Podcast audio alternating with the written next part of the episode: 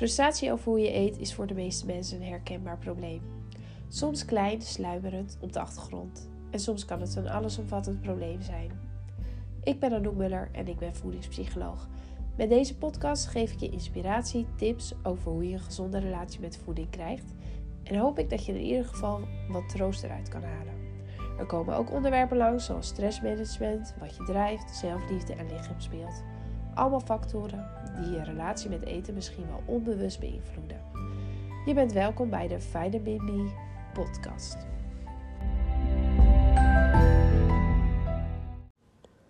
In de maatschappij van vandaag is suikerverslaving een groot probleem geworden. Heel veel mensen hebben er last van. En dat merk ik in mijn praktijk, voedingspsychologie ook. Wetenschappelijk is het nog niet bewezen dat suiker verslavend is, maar ontzettend veel mensen ervaren het in ieder geval wel als een verslaving. En dat lijkt mij voldoende om dit serieus te nemen. Het zou ook goed kunnen dat het wetenschappelijk nog niet bewezen is, omdat er nog niet voldoende onderzoek naar gedaan is. Maar goed, om los te komen van de hunkering naar suiker, is een veelzijdige aanpak nodig die voeding, psychologie en zelfbewustzijn combineert. Maar daar straks meer over. Wat is eigenlijk de impact van suiker? Nou, onderzoek suggereert dat suiker het beloningssysteem van de hersenen kan stimuleren. En dat leidt tot de onbedwingbare trek en verslavend gedrag dat vergelijkbaar is met zelfs dat van bepaalde drugs. Hoe meer je ervan neemt, hoe meer drang je ernaar krijgt. Dat is bewezen. Dit komt mede doordat suiker dopamine activeert in je hersenen en dat is een gelukshormoon. En de impact op de gezondheid van suiker op je fysieke gesteldheid is vaak juist niet zo best. Want overmatige suikerconsumptie is in verband gebracht met tal van gezond, gezondheidsproblemen, waaronder obesitas, diabetes, nou, ik heb moeite met praten, hart- en vaatziekten en geestelijke gezondheidsproblemen horen hier ook bij.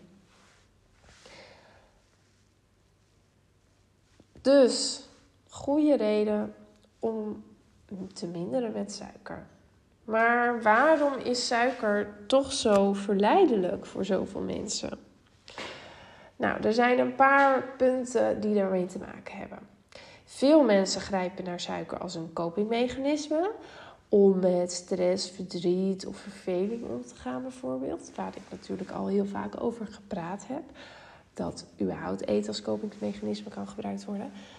Ehm, en dan is het herkennen van de emotionele triggers ook echt heel belangrijk als je uh, het suikereten wil aanpakken.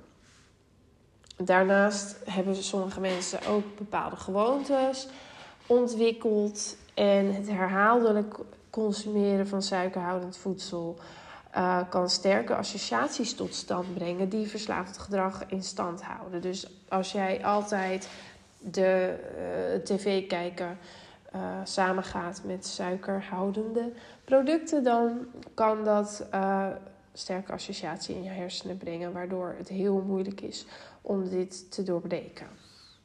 En daarnaast is ook wat mee kan spelen, is dat je bepaalde tekorten hebt aan voedingsstoffen, zoals chroom of magnesium of B-vitamine. En dat kan ook bijdragen dat je meer, uh, dat ook jouw lichaam het signaal geeft dat het suiker nodig heeft. Um, en dat verlangen naar suiker erg sterk blijft. Dus wat ook belangrijk is, is dat je naast überhaupt dat je suiker eet, kijkt of je daar, daaromheen wel echt veel verschillende voedingsstoffen binnenkrijgt als je wil gaan minderen. Nou, wat zijn nog meer strategieën om echt los te komen van suikerverslaving? Dan zou ik toch adviseren om geleidelijk te verminderen en niet de cold turkey. Waarom?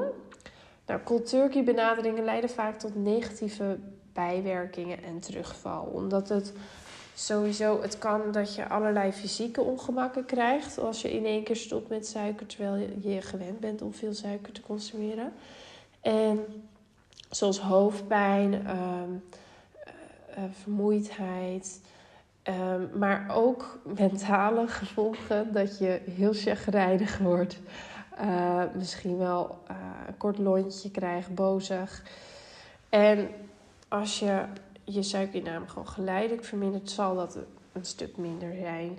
En daarnaast, um, als je alles of niets doet, dan is het ook de neiging om als je één keer wel bijvoorbeeld een keertje wat suiker hebt gegeten, om dan te zeggen: Oh, nou laat maar, dan voelt het meteen als falen. En hebben veel mensen de neiging om het ook helemaal weer los te laten en weer veel suiker te eten. Terwijl als je het geleidelijk vermindert, zul je merken dat je succeservaringen hebt. En als je een keer wel wat suiker neemt, is het ook niet erg. Want uiteindelijk is dat waarschijnlijk ook wat de meeste mensen willen voor zichzelf, is dat ze weinig suiker consumeren. Oh ja, ik heb het er niet eens bij gezegd, maar ik heb het in dit geval over toegevoegde suikers. Dus wat niet de suikers die bijvoorbeeld in appel van nature zitten als je een appel eet in zijn geheel, maar de kunstmatig toegevoegde suikers. Daar heb ik het over. Dan, wat je ook echt kan helpen wanneer je wil minderen met suiker, is bewust eten.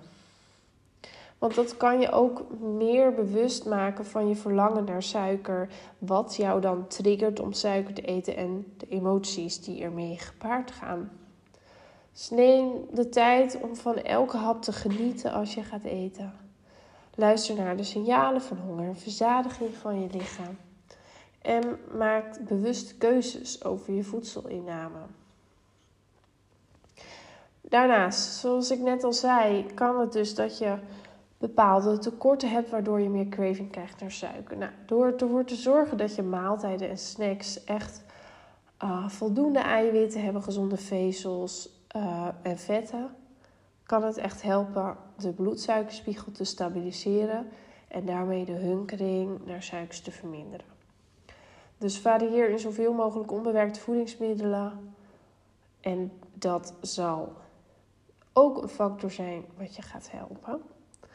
Dan is de vierde is vind alternatieve manieren om met stress om te gaan. Zoals misschien lichaamsbeweging of met iemand erover praten of het beoefenen van mindfulness of meditatie. Dat als jij andere manieren hebt om jezelf te vervullen en om te gaan met allerlei emoties, dan kan de afhankelijkheid van suiker als kopingsmechanisme niet meer nodig zijn.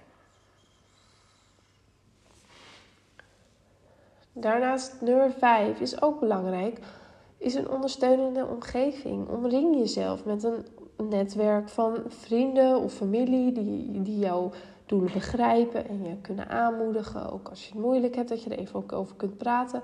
Of overweeg er professionele begeleiding bij te zoeken, zoals een voedingspsycholoog. Uh, die je echt helpen te navigeren door de uitdagingen die het geeft als je uh, een suikerverslaving hebt en er vanaf wil komen. En wat er allemaal bij komt kijken. Waardoor je een duurzame relatie met suiker kan ontwikkelen. Daarnaast, als je een duurzame relatie met suiker wil ontwikkelen, is het ook goed om de natuurlijke zoetheid te herontdekken. Verminder, bij het verminderen van je inname van suiker kun je bewust die natuurlijke zoetstoffen gaan eten, zoals fruit of dadels. En dan kunnen je smaakpapillen zich aanpassen en de subtiele zoetheid in onbewerkt voedsel waarderen. Want waarschijnlijk vind je het niet meteen zo lekker en verzadigend als je zou willen. Maar als je daar jezelf de tijd voor geeft om daaraan te wennen, dan ga je het echt waarderen.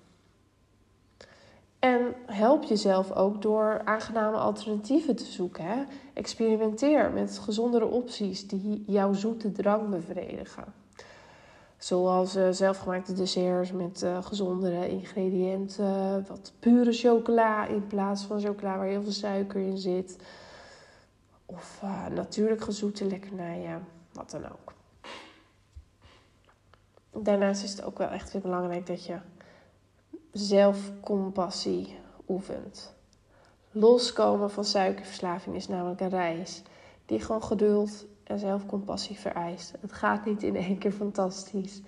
Ehm, je doet het in stapjes. En omarm dan tegenslagen als leermogelijkheden. En vier onderweg je vooruitgang. Dit zijn ook thema's die, waar ik aan werk met cliënten. En waarvoor je ook terecht kan bij vitaminme.nl. Uh, mocht je graag daar begeleiding bij willen hebben. Want onderweg ga je allemaal nieuwe triggers ontdekken. En ehm, je hebt echt een nieuwe mindset nodig om zoiets te kunnen veranderen. Dus bij de bron beginnen om uh, het uiteindelijke externe, het eetgedrag te veranderen van suiker. En daar uh, kan ik je bij helpen.